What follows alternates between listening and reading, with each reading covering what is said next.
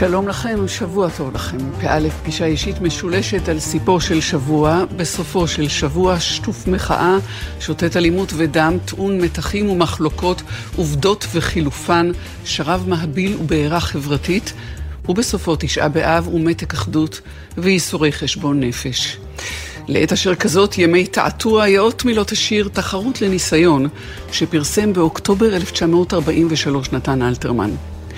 ארבע חירויות נודעות לתהילה החליטו, בנשוב רוח סתיו כלילה, לערוך תחרות בריצה לשם שחוק, ואשר תנצח, זר יותן לה כחוק. אז ניצרו בשורה ארבעתן לאמור, החופש מפחד, החופש ממחסור, וחופש הדת וחופש הדיבור, וסביבן הקהל וראשי הציבור. אך בטרם התחילו אורח לרוץ, נתגלה יצור פלא, צולע וגוץ, איזה חופש מוזר, חמישי במספר, שאפילו ברמז עליו לא דובר. ויגש מדדה על רגלו החיגרת אל ארבע חירויות ערוכות לתפארת, ויצחק ערמומי ויגד בקריצה, עת חרה גם אני עמכן בריצה. אז נשאו חירויות את קולן כמו נבל, ותשאלנה בבוז ורחמים, אה, מי הנפל? אה, איזה חופש אתה? ובמצמוץ ולפלוף סך הנפל, אני הוא חופש הסילוף. צחוק ניתח מסביב כמפל המים. הלזה יתחרה עם קלות הרגליים, הוא יכרע, הוא ייפול, הוא יהיה לקלס, הוא חיגר, הוא גמד, הוא משול כחרס. אבל הס, תחרות מתחילה. הצחוק תם. אט לאט התאבן הקהל הנדהם. רחבו העיניים, אילמה כל לשון, הסילוף הפיסח מגיע ראשון. עוד תחרות נערכת, עוד שתי תחרויות, שוב עובר הסילוף לפני החירויות. ובואן אחריו למקום המסומן, חדלות הן כמעט להכיר את עצמן. אזי פחד נפל על ארבע החופשות, ונשמע רק צקצוק שיניהן הנוקשות. ויותר מכולן, כנקלע בקדחת רעד כידוע, החופש מפחד. ובמרכז הזירה התייצב הסילוף ויקרא, לי הכתר, אני האלוף. הסילוף זה טבעו. הוא מצניע פנים, הוא מתחיל בריצה למרחקים קטנים, הוא מתחיל בתחרות ניסיון, קו לקו, אבל בא מאמן הוא את רגליו. הנותנים לו לגשת לשדה התחרות, מנחילים למפרע, תבוסה לחירות. נתן אלתרמן. פא, פגישה אישית משולשת, מתחילים.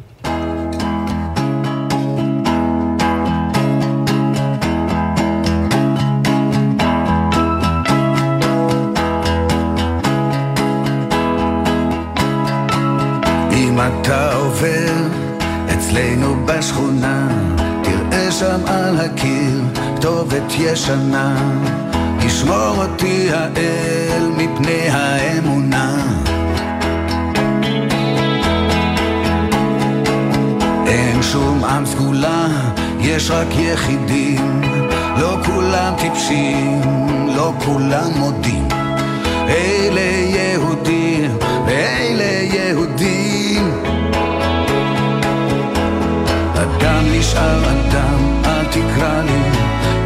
אל תקרא לי עם. אדם נשאר אדם, אל תקרא לי עם, אל תקרא לי עם. אותה גלות גם פה, לשווא אני עובר. כמה עוד גולני מול מתאבד בודד, לא מאלוהים, ממך אני חרד. שוב אתה רוכב כשנשפך בו דם, שוב אתה חושב שאתה חכם, אם לא שמת לב, גם אני קיים. מה יש לי איתך? מה יש לי איתם? אדם נשאר אדם, אל תקרא לי, אל תקרא לי עם. אדם נשאר אדם, אל תקרא לי עם, אל תקרא לי עם.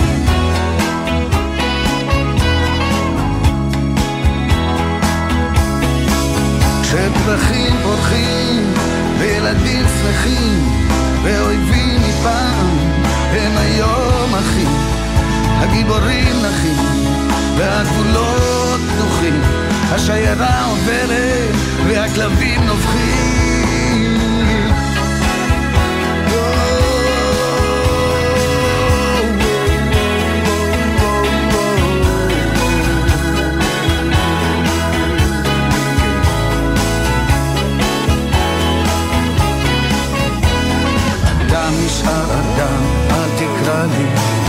תקרא לי עם.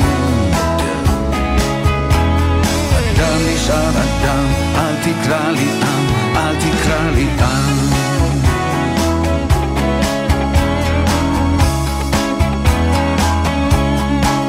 אם אתה עובר אצלנו בשכונה, תראה שם על הקיר כתובת ישנה. גם המציאות זקוקה להגנה, ישמור אותי האל מפני האמונה. אדם נשאר אדם, אל תקרא לי, אל תקרא לי עם. אדם נשאר אדם, אל תקרא לי עם, אל תקרא לי עם. אדם נשאר אדם, אל תקרא לי, אל תקרא לי עם. תקרא לי, אל תקרא לי עם.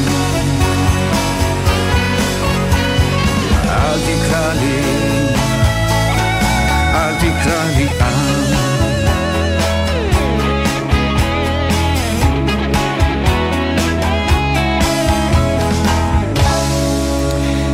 דוקטור ענת השיר, שלום לך. שלום. ערב טוב, את חוקרת ומרצה לפילוסופיה באוניברסיטה הפתוחה, את אה, מי שבקרוב יצא ספרך אה, מבוא לפילוסופיה קונטיננטלית במאה ה-20, גם תרגמת לעברית את ספר הפילוסופיה, מה סוקרטס היה אומר, חוקרת, מרצה לפילוסופיה ועוסקת בסוגיות של מחברות בין מוסר, פוליטיקה, אסתטיות, במסורת המחשבה הפילוסופית ובפילוסופיה בת זמננו, ואת כל זה אני אומרת, כדי להגיע איתך אל הימים האלה ואל הזמן הזה, כן. בשעה שבחוץ המחלוקת קורעת את העם, תשעה באב היה השבוע, דיברנו במחלוקות ובהרס שבהן, הרחובות שוב הומים במוצאי שבת, ואת אומרת, ואמרת השבוע ביום עיון של האוניברסיטה הפתוחה שעסק במחלוקת ועימות, מחלוקת זה טוב, מחלוקת זה בריא לעם, לחברה. נכון, לחלקים בחברה. מחלוקת היא משהו ש... בפירוש עשוי לקדם יותר שוויון בחברה. וזה מה שאני חושבת ש...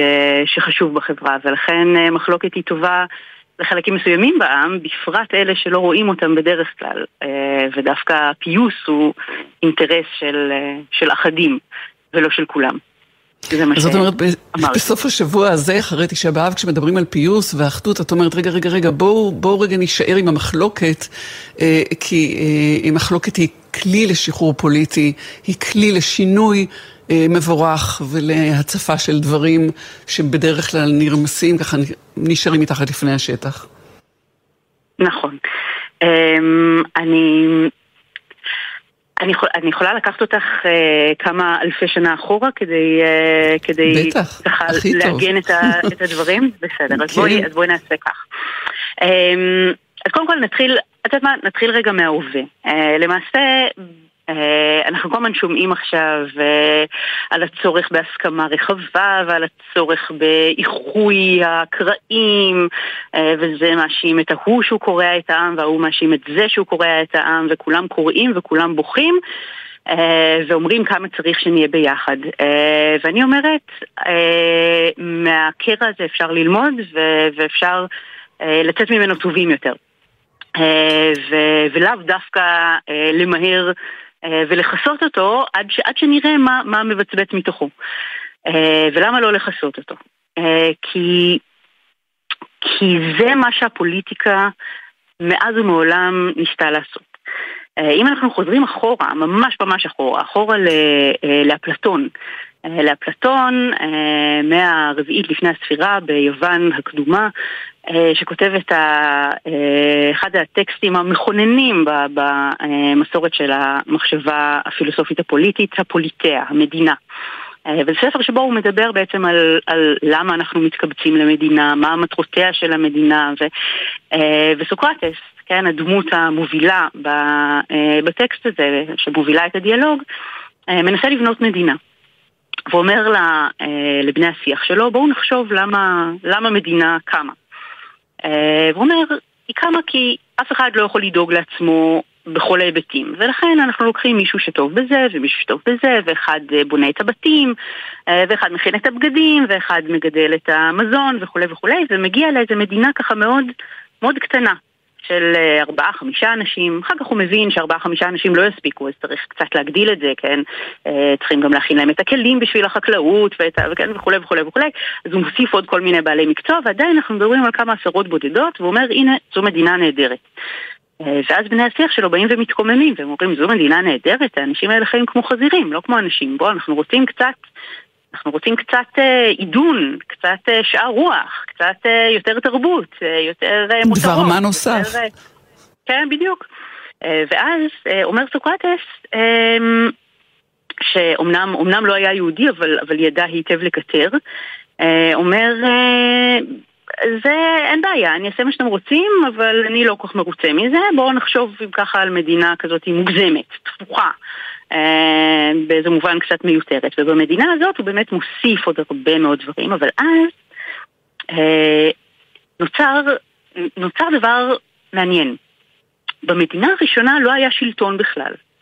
זאת אומרת, היה לנו בנאי שבנה את הבתים, והורג שהרג את הבדים ותפר את הבגדים, וסנדלר שהכין את הנעליים וכולי וכולי, זה לא היה שליט, לא היו פוליטיקאים, מדינה בלי פוליטיקאים. איך זה יכול להיות? זה יכול להיות כי כולם בעצם יודעים את המקום שלהם, יש הכרח, כל אחד יודע מה התפקיד שלו, הוא עושה את מה שהוא אמור לעשות, ואין שאלות, אין ניגודי אינטרסים, הכל זורם. אבל ברגע שיש איזשהו עודף, איזשהו שפע, אה, איזשהו, איזושהי עודפות, משהו ש, ש, אה, שהוא כבר לא נכנע לחוקי ההכרח האלה, צריך לנהל אותו. ופה נכנסת הפוליטיקה. זאת אומרת, פוליטיקה באופן הבסיסי ביותר שלה, היא בעצם משהו שנועד לקחת סיטואציה חופשית, סיטואציה שבה יש יותר מאפשרות אחת שהיא מתבקשת, שבה יש איזשהו בלגן מסוים, יכולים להיות איזשהם ניקודי אינטרסים, ומנסה להציג אותה כדבר הכרחי. זאת אומרת, לארגן את המציאות באופן מסוים, ושאנחנו נחשוב שזו המציאות ואין בלתה. כן? זאת אומרת שזה הפתרון הסביר ביותר. אבל אנחנו מסכימות את זה שצריך שמישהו ינהל את... לא, לא, אני, אנחנו מסכימות, דוקטור ענת אשר, שנדרש אה, מי שינהל ויסדר ברגע שיש יותר מכל דבר. ויש גם ניגודי נכון. אה, עניינים והתנגשויות. נכון. ומחלוקת. בדיוק, אנחנו מסכימות בהחלט, אבל תפקידו של השלטון הוא בדיוק לפוגג את המחלוקת. אבל הפגת המחלוקת הזאת, זאת אומרת ההגעה לאיזשהו סדר שנראה לכולם אה, סביר אה, ונכון ומתבקש ואיך אפשר בכלל אחרת, הסוג הזה של ה... של ה א', א' זו אשליה. זאת אומרת, נשים את הדברים על השולחן ונגיד, זו, זה תמיד אה, לא... אה, זה לא באמת, זאת אומרת, אפשר אחרת, תמיד אפשר אחרת, ותפקידו של השלטון היא לגרום לנו לחשוב רוב הזמן שאי אפשר אחרת. אז רוב הזמן בעצם... או לאפשר לנו לבחור. או לאפשר לנו לבחור מה אנחנו, והרוב נכון. אה, אה, בוחר בדרך כזו או אחרת, רק שאז הוא צריך גם אה, להתחשב במיעוט, שזה כמובן בסיסי לחלוטין. לחזור לשאלת כן, המחלוקת, את בעצם... האומנם לאפשר לנו לבחור, זו, זו השאלה, מכיוון שיש דברים שבהם אנחנו בוחרים, אבל תחום הבחירה שלנו הוא מאוד מצומצם, אבל... גם ב... כן, כן. לא, לא, אני רוצה לחזור לעניין המחלוקת ולתפיסה כן. שלך שהמחלוקת טובה לנו, משום שהיא מאפשרת ללבן דברים, ולא לטאטא אותם על מתחת לפני השטח. זה בעצם מה שאת אומרת, ויש דברים ללבן, כי ברגע שיש מדינה שיש בה את כל המרכיבים שמנית, אה, הם, הם, הם, יש דברים ללבן, ו, אה, ולא עשויים כולם מאור אחד. אז איך הנושאים הבוערים האלה, את אומרת, המחלוקת טובה, כי היא אה, אה, כלי לשחרור פוליטי, זאת אומרת היא כלי בעצם לשינוי. ברור שפוליטיקאים ירצו שלא נכון. תהיה מחלוקת, הם רוצים ליצור אה, מראית עין אולי של פיוס, כדי שיהיה שקט נכון. תעשייתי. אבל את אומרת לא, לא, נכון. שקט הוא אפש. אני אומרת, שקט, אה, שקט תעשייתי הוא אה, אינטרס של אחדים, אך לאו דווקא של אחרים. אה, ואני, מה לעשות, מטבעי, תמיד... אה, תמיד עם האנדרדוג, תמיד עם זה שהשקט הוא בעוכריו. אה, ותמיד עם זה שבסופו של דבר אה, יפסיד מהפיוס. וכשאני, כשאיתי מדברים כל הזמן על הצורך באחדות ובפיוס, ואחים אנחנו ואחים אנחנו, אז אני תמיד שואלת, ואם אנחנו אחים, אז את מי מחוץ למשפחה ש, שגם צריך לחשוב עליו אנחנו לא רואים? זאת אומרת, נגיד שנסכים על כך שכולנו אחים, את מי השארנו בעצם בחוץ? הרי כן נשארנו בחוץ אחדים. והדרך שלהם להיראות היא רק דרך כך שהם יעוררו מחלוקת. מחלוקת ומחאה. אנחנו דיבר, מדברות בעקבות uh, כינוס שהתקיים כמובן בערב תשעה באב, אנחנו, כל הנושא הוא מחלוקת ולאן הובילה אותנו מחלוקת. אז איך ממשיכים את המחלוקת, אני הולכת איתך, שנדרשת מחלוקת כדי לחולל שינוי, מבלי, uh, אני, אני משתדלת לא לגלוש לקלישאות של לשפוך את התינוק עם המים, ואת יודעת, כל אותם הדברים, אבל איך, איך לקיים מחלוקת ולהישאר בחיים? ולא לשרוף את המועדון. תראי, אז אז, ה, אז אני חושבת שבאיזשהו מובן, אמ, השאלה היא, זה לא כל כך בינארי, זאת אומרת, זה לא שאו שנשרוף את המועדון או שלא. אה, אפשר... אה, אפשר לחרוך את המועדון, אה, אם, אם, אם להמשיך עם, ה, עם הדימוי הזה, לא, לא, זה דימוי מטריד, אולי לא, אה, אבל אנחנו רגילים לחיות על פי איזשהו היגיון ישנו פילוסוף שאותו הזכרתי בהרצאתי שנקרא אה, ז'אק רנסייר, פילוסוף אה, צרפתי בן זמננו, ייבדל לחיים ארוכים. והוא מדבר על הרעיון הזה שבעצם אנחנו תמיד חיים בתוך איזשהו, איזשהו קונצנזוס שהוא המשטר. המשטר יוצר קונצנזוס, אנחנו לומדים איך לחלוק במרחב המשותף שלנו. אה, ו, אמ, והחלוקה הזאת ש, שבמרחב המשותף היא, היא, היא גם מסבירה לנו איך להתנהג, זאת אומרת ממקמת אותנו ונותנת לנו את התכנים ואת ה... הבנה של, ה, של המציאות שמשותפת לנו ולזולתנו ומאפשרת לנו להתנהל באותו מרחב. אבל החלוקה הזו היא גם חלוקה של מה בפנים ומה בחוץ. איזו פרשנות של המציאות היא לגיטימית ואיזו לא. אה, מה, איזה סוג של דיבור אנחנו שומעים כשיח ואיזה סוג של דיבור אנחנו שומעים כרעש. אה, שאין לו באמת פשר, שאי אפשר באמת אה, אה, אה, להבין אותו, שהוא משהו אולי בין האנושי לחייתי אפילו, שאנחנו לא לגמרי בטוחים מה, מה לעשות איתו, אבל ברור שלא צריך להתייחס אליו ברצינות. והחלוקה הזאת היא החלוקה שעליה המחלוקת והפעולה הפוליטית באה לערער. אז יש כאן במובן מסוים, לא נגיד לשרוף את המועדון, כי זה לא לשרוף את המועדון, אבל זה בפירוש כן לערער דברים מאוד בסיסיים שיגרמו לנו לחשוב מחדש על המרחב המשותף שלנו. אוקיי. Okay. ואת זה עושות קבוצות שהן תמיד קבוצות שנמצאות בשוליים, בפריפריה אה, של הנורמלי.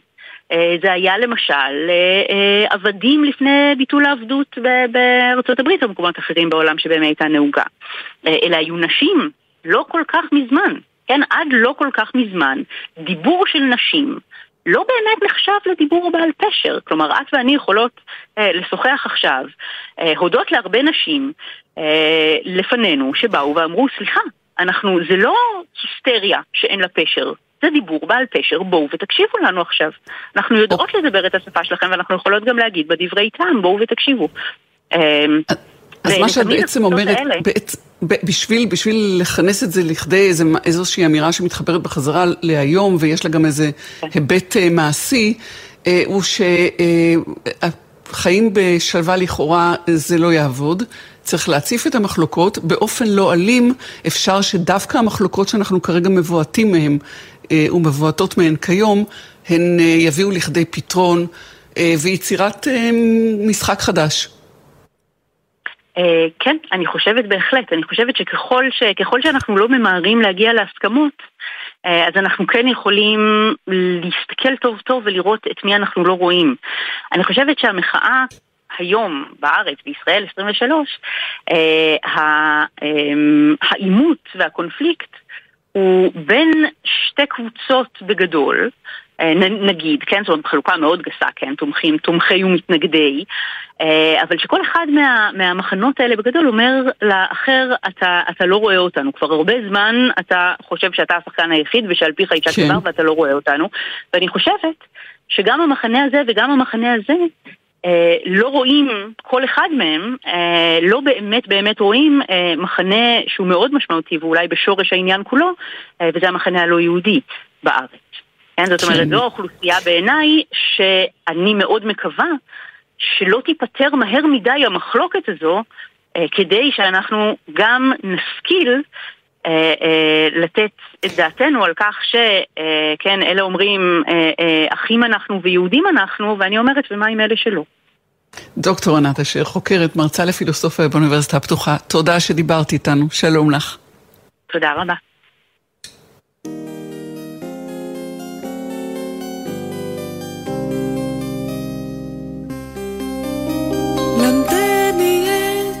השיר הפשוט של הלחם, ופרוס לי חלק משלומך.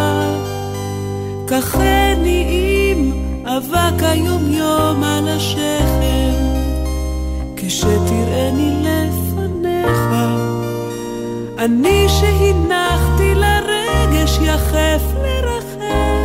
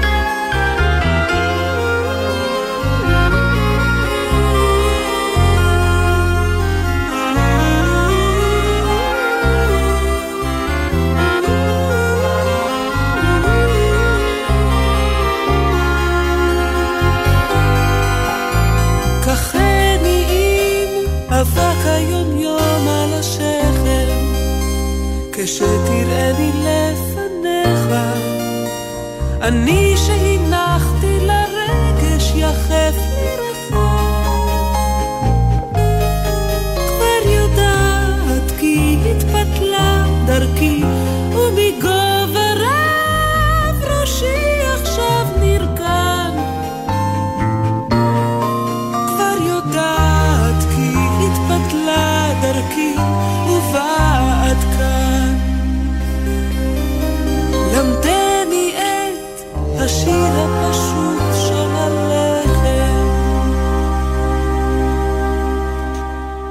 זהו מוצאי שבת בסוף חודש יולי, שהוכר כבר בכל מקום בעולם כחודש החם ביותר על פני האדמה מאז ומעולם. שלום לך פרופסור צבי פלג, איש הפקולטה לחקלאות, מזון וסביבה באוניברסיטה העברית.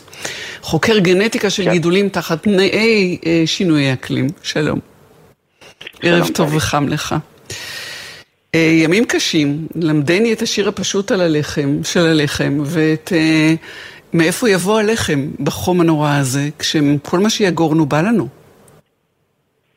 אה, בהחלט, אנחנו, שינוי האקלים, אנחנו מרגישים אותם בכל דבר, והתדירות רק הולכת ועולה, ובאמת אחד, ה, אחד הדברים הכי קשים שקורים לנו זה באמת העלייה המאוד גדולה באירועי קיצון אקלימיים. אנחנו רואים שכל הזמן יש לנו או חום קיצוני או בצורת, הרבה מאוד אירועי קיצון. ובשונה מאיתנו שרצים למזגן בשביל להתקרר, הצמחים לא יכולים לזוז. ולכן אנחנו צריכים לטפח אותם שיהיו הרבה יותר מותאמים לסביבה. הייתי חושבת שלצמחים יותר מאשר לנו יש כושר הסתגלות והבנה של אינטואיטיבית של מה מתבקש מהם עם שינויים, עם שינויים אקלימיים, עם שינוי התנאים שלהם? הצמחים, הצמחים פיתחו המון מנגנונים בשביל להתמודד עם שינוי אקלים, ודווקא קיים בטבע המון מגוון שאפשר להשתמש בו, אבל זה נעשה הכל יותר אינטנסיבי. אם פעם היה מדי פעם בצורת, מדי פעם איזה אירוע של חום, עכשיו הם באים בתדירות הרבה הרבה יותר גבוהה. והאתגר נעשה הרבה הרבה יותר קשה. וגם הצמחים מתורבתים יותר ולכן מפונקים יותר ופחות יודעים לחשוב לבד היום? ולהתאים את עצמם? הם איבדו את החושים הקדמוניים שלהם? הם, הם, הם איבדו הרבה מהסיגנלים שלהם בגלל שטיפחנו אותם בתנאים טובים לייצר הרבה מזון, כמו שהיה צריך, ו... ואבותינו עשו עבודה מאוד טובה. קיבלנו גידולים שעושים, שמצליחים לייצר הרבה מאוד מזון, אבל איבדנו את, כמעט את כל מנגנוני ההגנה האלה. ו... וזה בעצם מה שאנחנו גם מנסים אצלנו במעבדה לעשות, וזה ללכת חזרה למיני הבר. במקרה שלנו זה לאם החיטה, שאהרון אהרונסון גילה ב-1906 בראש פינה, ולחפש שם מנגנונים שלא קיימים כבר בגידולי התרבות. אז אנחנו עושים הרבה, כי חיטת הבר היא צמח מדהים ביכולת הסתגלות שלו ובמקומות שהוא יכול לגדול. אנחנו מוצאים אותו במקומות שהוא גדל עם 200 מילימטר בשנה, עד לחרמון עם 1,500 מילימטר. זאת אומרת, יש לו מגוון מאוד רחב של התאמות לסביבה. מה שאתה אומר נכון, כן. פרופסור אה, אה, פלג, לגבי האזור שלנו, או שזה המכניזם בכל מקום, זה המנגנון בכל מקום שבו מתמודדים? למרות שהמזרח התיכון הוא כנראה אחד המקומות היותר, האזור שלנו, יותר מוכי שינוי תחזית, אבל מזג האוויר, אבל לא, לא באמת, כל העולם. אנחנו באמת הוט ספוט של שינוי אקלים. בגלל האזור הגיאוגרפי שבו אנחנו נמצאים, אנחנו חווים את זה ביותר אינטנסיביות, אבל uh, זה נכון שזאת בעיה עולמית. זה בעיה עולמית. ובכל מקום עושים את זה? את העבודה הזאת בניסיון להחזיר ל, ל, ל, ל, לצמחים שבכלל הוא לאלה שאמורים לספק מזון, את היכולת uh, להשתנות עם, ה, עם השינויים האקלימיים ועם המעברים החדים האלה? שוב, צריך להגיד את האמת שאנחנו בפיגור מאוד, מאוד רציני ב... בטיפוח, כי לטפח זן לוקח בממוצע 12 שנים עד שהוא מגיע לשוק. וכידוע, הרבה מאוד מדינות ופוליטיקאים וממשלות אה, נוטים להכחיש את העובדה שיש פה שינוי אקלים ואת הצורך הזה, ואנחנו באמת נמצאים בפיגור עולמי מבחינת הייצור מזון. ובשנים האחרונות במיוחד, כי אחד הדברים שעכשיו קורים לנו, שה... שדיברנו על עלייה בתדירות של אירועי קיצון, אבל מה שעכשיו קורה זה שההסתברות שיקרו כמה אירועי קיצון באזורים שונים בעולם במקביל, עלתה בצורה מאוד משמעותית. אה, יש ממש תחזיות אפוקליפטיות לעד 2050 כבר, לא בעוד... כן, כן. ממש בקרוב. אנחנו פעם דיברנו שזה יקרה אחת ל... שאירוע כזה שקורים כמה אירועי קיצון בכמה מקומות קורה פעם במאה שנה, היום כבר מדברים על זה שזה יקרה פעם בשש שנים. עכשיו, שיש כזה אירוע קיצון, אירועי קיצון בכמה יצרניות גדולות של חיטה למשל, זה אומר שיש משבר מזון עולמי. מה זה מקרה קיצון? תגדיר לי בבקשה, פרופסור פלג. מקרה קיצון זה למשל שיש אירוע של חום כבד כמו שעכשיו היה לנו, שיש בצורת, שיש קור, אירועים שהם הרבה מחוץ לממוצע. זה אפשר לראות את החורף האחרון שהיה לנו בישראל. אבל הממוצע משתנה. ממוצע הוא הדבר הכי פחות חשוב כשאנחנו מדברים על אקלים. כי כשנסתכל בצורה גלובלית אחרי כמה שנים, אנחנו נראה שהממוצע היה בסדר. Hmm. העניין זה כן. הפיזור. כן. הפיזור הוא בעצם, ראינו עונת הגשמים האחרונה שלנו, היא יורד פתאום 100 מילימטר בבת אחת, שלושה שבועות בלי גשם, ואז עוד אירוע של 150 מילימטר. כן. אז בממוצע ירד מספיק משקעים. אבל הצמחים חוו תקופה גם של הצפה וגם אחרי זה תקופה של בצורת. והם צריכים לדעת להתמודד עם זה. הסיפור של הלחם הוא, הוא, הוא כמובן לא סיפור פשוט, והוא כן. באמת מזונו הבסיסי ביותר של האדם, ואני לוקחת אותך לדוח אה, של האו"ם שהתפרסם, נדמה לי בשבוע שעבר הייתי, על אה, אה, מצב הרעב, הביטחון התזונתי הוא למעשה מצב הרעב בעולם. הדוח השנתי הזה מדבר על 30% מהאנושות, או בערך 2.4 ביליון בני אדם שחסרו להם ב-2022, אה, חסר להם מספיק מזון, ומספר גדול יותר של 3.1 ביליון אנשים לא היו מסוגלים להרשות לעצמם אה, דיאטה בריאה, זאת אומרת לאכול אוכל בריא. אה, וזה, אם בקצב הזה יימשך, על פי הדוח הזה, אז מדברים על... אה, חוסר היכול, חוסר היכולת להתגבר על, על, על הרעב שילך ויגדל, אה, שש, כרגע 600 מיליון אנשים אה, ימשיכו להיות בתת תזונה. כל הרעיון של האו"ם בניסיון להקטין את הרעב לא יעלה יפה. אני כבר לא מדברת על המלחמות שזה מביא, על, על תנועת אנשים והגירה ו, ו, וכל זה. זה בדיוק העניין, שאוכל זה גם, זה לא רק ביטחון תזונתי, זה גם ביטחון כללי, כי זה מביא גלי הגירה וזה מביא אנשים... ההיסטוריה הוכיחה שרוב המלחמות פרצו בגלל מחסור במים ובאוכל. ו... ואנחנו הולכים למקומות שבהם יהיה יותר ויותר רעב. אפריקה זה אזור שסובל היום כבר מרעב, בהרבה מאוד מדינות כמו שהזכרת. ומקומות אחרים. וראינו דוגמה, אני חושב שהמלחמה עכשיו שיש בין אוקראינה לרוסיה, mm-hmm.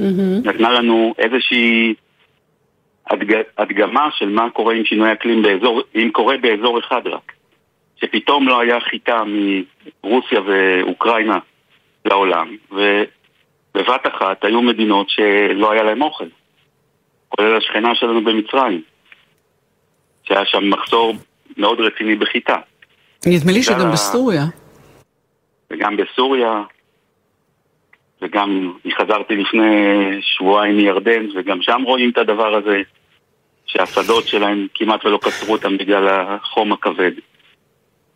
זה משפיע על כל העולם, וכל מקום. ראינו גם מה קרה בקורונה. ראינו גם מה, מה קרה בקורונה, כן. ואגב, הדוח של, של הרעב של האו"ם מדבר על, על עדיין, יש, כאילו, אין, אין מספרים גדולים יותר במיידי של, של אנשים ברעב, אבל עדיין הרבה יותר מאשר בתקופה לפני הקורונה. זאת אומרת, הקורונה הביאה לנפילה גדולה ביכולת, ביכולת להזין את העולם. נכון, ו... אם את מזכירה את הקורונה, אני חושב שאפשר לראות מה קרה בתחילת המגפה, שהמוסד נסע לכל מיני מקומות עלומים לחפש אה, מכונות אקמו ומסכות. Mm-hmm. ואם יהיה פה עכשיו אירוע של משבר מזון עולמי, יהיה בדיוק את אותו דבר שהם יצטרכו לחפש שקי חיטה. לא מי יהיה. זה הם? מי זה הם? המוסד או כל ארגון ביון אחר שצריך לריב עם מדינות אחרות על ה... יהיה ממש מלחמה על האוכל. רגע שלא אנחנו... יהיה מספיק. אנחנו מדברים, אה, אה, פרופסור צבי פלג, בעלמא, או שאתה ממש רואה תרחיש כזה אה, יכול, יכול... יכול להתממש? אני חושב שזה, ממה שאנחנו רואים, שוב, כמו שהתחלת בהקדמה ודיברת על זה שזה חודש יולי החם ביותר, אנחנו רואים שזה קורה. אנחנו רואים שזה יכול לקרות עוד עשר שנים, עוד חמישים שנה, אבל זה יכול לקרות עוד שנה. אנחנו לא יודעים לחזות. אם עכשיו יהיה לנו אירועים כאלה, ש... אם כמו שהיה חום אצלנו, יהיה גם בארצות הברית ובסין למשל, ששתי היצרניות הגדולות של החיטה, אז יהיה משבר מזון עולמי. כן. בשנה שעברה היה חום מאוד גבוה בהודו, שהיא אחת היצרניות הגדולות, והם מיד עצרו, הם לא נתנו למכור אה, חיטה, כי הם שמרו את הכל בשביל עצמם. אתה, אתה גנטיקאי ו- וחוקר גנטיקה של גידולים תחת כן. תנאי שינויי האקלים, אבל אנחנו יודעים שגם כן. מהנדסים היום אה, מזון שאולי לא נזדקק, אה, עד כמה שקשה לחשוב על אפשרות של, אה, שלא אז, נזדקק אה, אה, לחיטה. גם מה שאנחנו, מה שמפתחים במעבדות, הם בסוף משתמשים בחלבון שבא מהצומח, ועליו מפתחים את הרבה מאוד מהדברים. אבל ב- העולם חי בסוף על גרעינים, גרעינים יבשים, שזה חיטה, אורז ותירס. זה שלושת הגידולים העיקריים. רוב הקלוריות בעולם באות משם. כמה מיליוני שנים כבר? אנחנו... הח- החקלאות כבר קיימת עשרת אלפים שנה, ומראשית החקלאות היה, היה לנו כבר את החיטה ואת האורז והתירס בדרום אמריקה. אלה הגידולי יסוד שלנו לאורך רוב ההיסטוריה האנושית. לא נוכל אה, למצוא לזה תחליף אמיתי. או שנהיה אנשים אחרים אם נאכל אוכל אחר. מה, מה שמנסים עכשיו לייצר זה תחליפים לבשר ותחליפים ל, למזון מן החי. אבל מזון מן הצומח תמיד נצטרך לייצר. אין לו תחליף, וזה הבסיס לכל התזונה. עכשיו, השינויי האקלים גם לא רק. הם לא רק פוגעים לנו ביבול בצורה משמעותית, הם גם פוגעים לנו באיכות, באיכות התזונתית שלו. אם זה פחות נוטריאנטים, אם זה פחות ויטמינים, הרבה מאוד דברים אנחנו מקבלים מזון גם פחות איכותי, שזה גם חשוב לזכור. בוודאי. זה מג... ו... אנחנו- ובשביל זה צריך לעשות פיתוח. זה... אז אתם עובדים בזה, ואנחנו... שיהיו יותר מותאמים. אז אנחנו בונים עליכם, כי אנחנו, אמ, התוכנית שלנו היא להמשיך להתקיים. פרופסור צבי פלג, מפקולטה לחקלאות, מזון וסביבה, באוניברסיטה העברית, אני מודה לך שדיברת איתנו. שלום. תודה רבה. להתראות. Way over yonder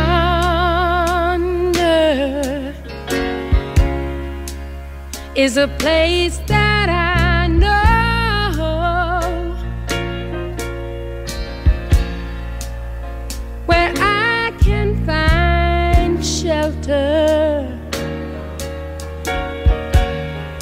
from a hunger and cold. and the sweet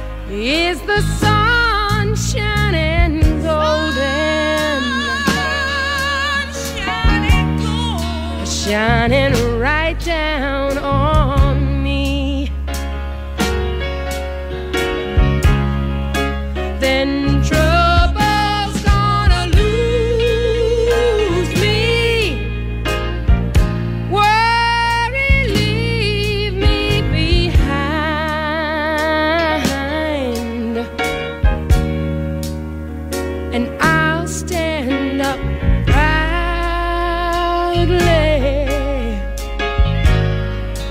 in true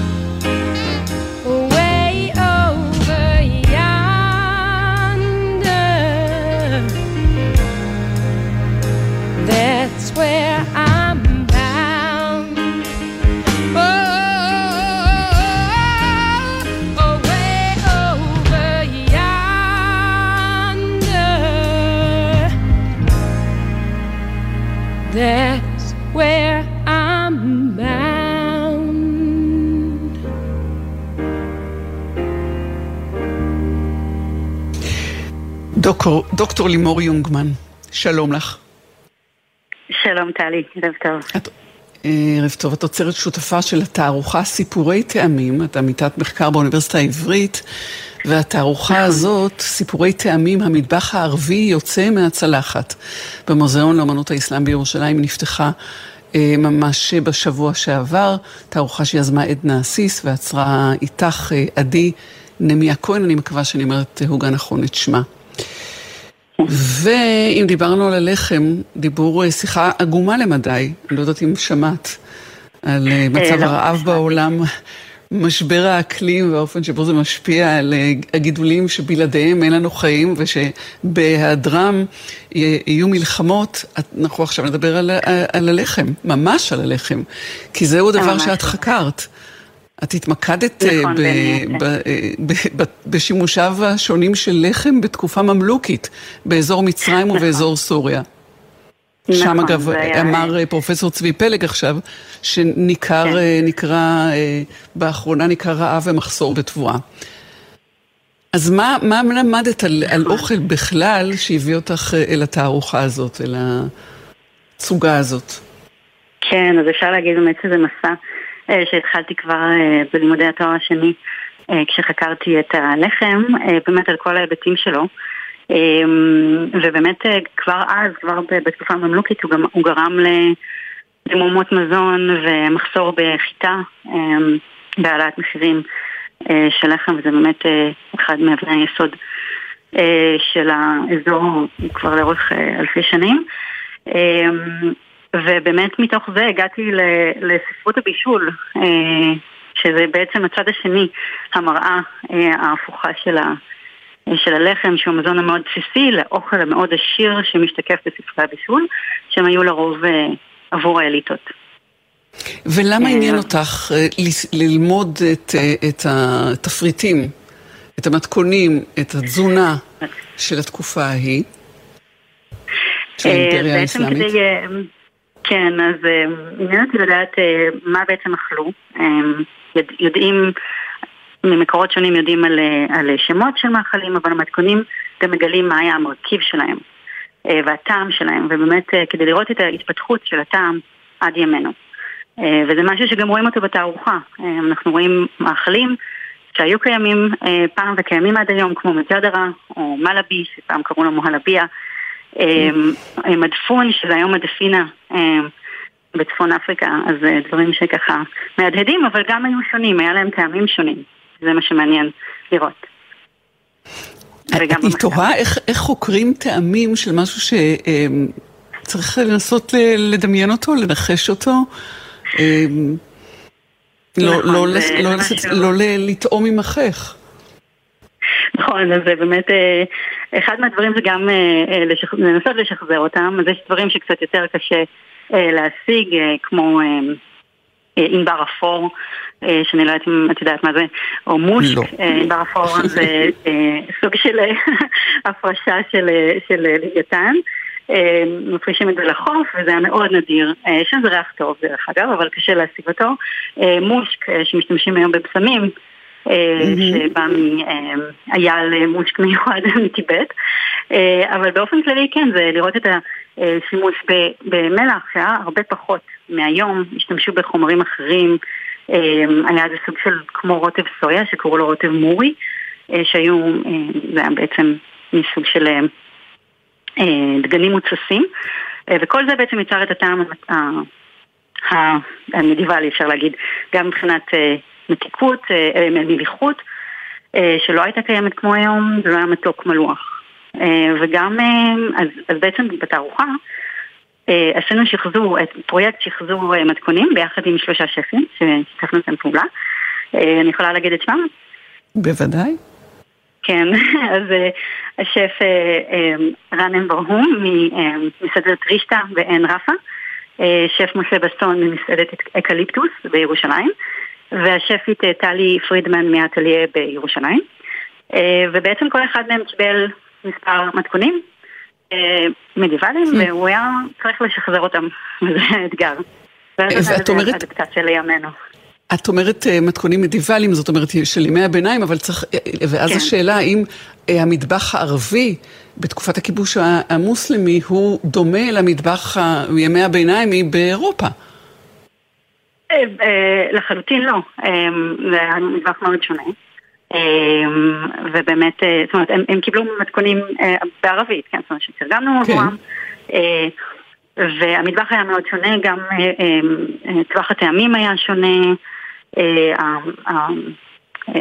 אפשר להגיד, כן, התבלינים שהשתמשו בהם היו שונים.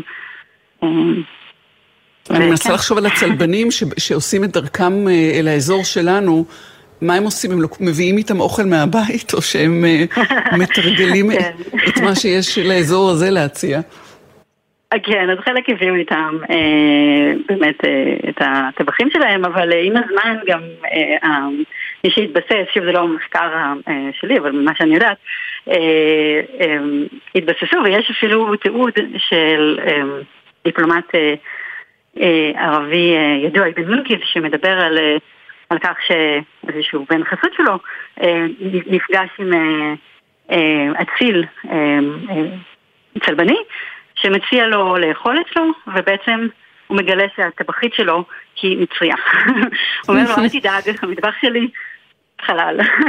אז זה ככה משהו שהם נטמעים גם באזור, וזה באמת, אני חושבת, מה שמעיד באמת ומאפיין את המטבח הזה ואת התערוכה שלנו, זה להראות באמת את המפגשים הבין תרבותיים שנוצרים באזור שלנו בזכות האיחוד השלטוני הזה של האסלאם. ול- ולמעשה, אם את, אם, אם את חוקרת אה, אה, את מתכונים ואת חקרת מתכונים, זה מה שעשית, אז דרך זה למדת על תרבויות, או, או הפוך, דרך התרבות הגעת למתכון.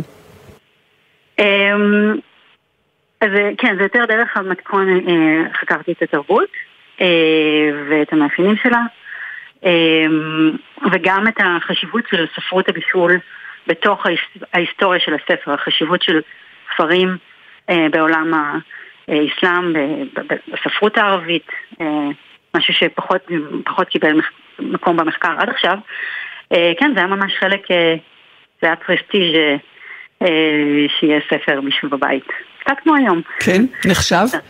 ספרים, כן, זה היה נחשב, כן. רגע, ואנחנו מדברים על התקופה שלפני הדפוס, אז מה?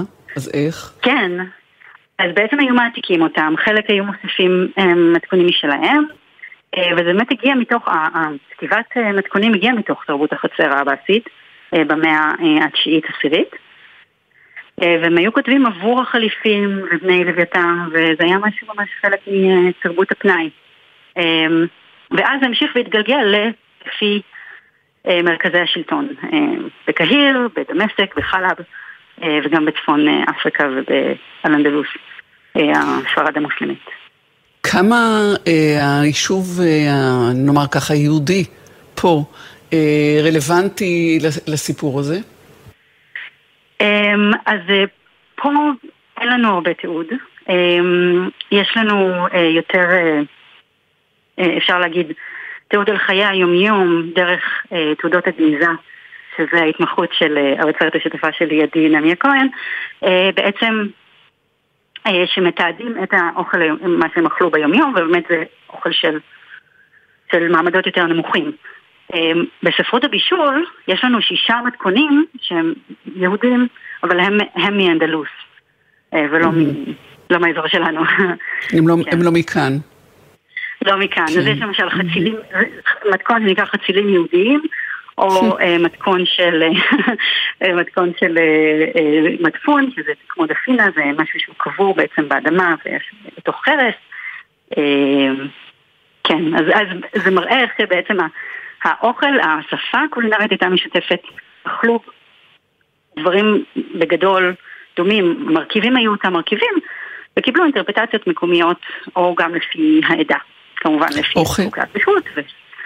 או, או, אנחנו פתחנו את- המשדר הזה במחלוקת, ובאופן שבו מחלוקות הן טובות, כי הן מייצרות גם, מייצרים גם פת- פתרונות, מייצרות פתרונות, ואנחנו מסיימים בזה שאוכל ישמח לבב אנוש ויקרב לבבות, גם. נכון. לאורך כן, הדורות וגם. מדור, מדור לדור. מדור לדור, כן. דוקטור לימור יונגמן, עוצרת שותפה של התערוכה סיפורי טעמים במוזיאון האסלאם בירושלים, עמיתת מחקר באוניברסיטה העברית. תודה, אה, תודה רבה לך אה, שדיברת איתנו. נתת רק שאלה אחת קצרה. לסיום. איזה, כן. לפני זה רק תגידי, איזה תבשיל אה, טעמת וגילית שהוא דומה למה שחקרת בו? שהוא דומה לדמיון שלך? לאופן שבו שהוא תיארת אותו? דומה לדמיון, חומוס, יש לנו חומוס. שהוא- חומוס. כן, יש חומוס מהמאה ה-14.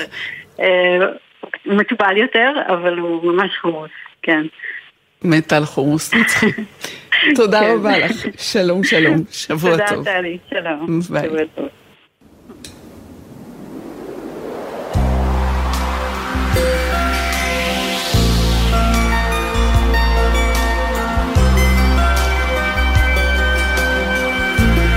את המשדר הזה ערכו איתי והפיקו ורדי שפר וטליה בנון צור, באולפן הייתה תמרה דהן, על הביצוע הטכני הלל גוטמן ובפיקוח אילן גביש. אני טלי ליפקין שחק, שיהיה שבוע טוב, היו שלום.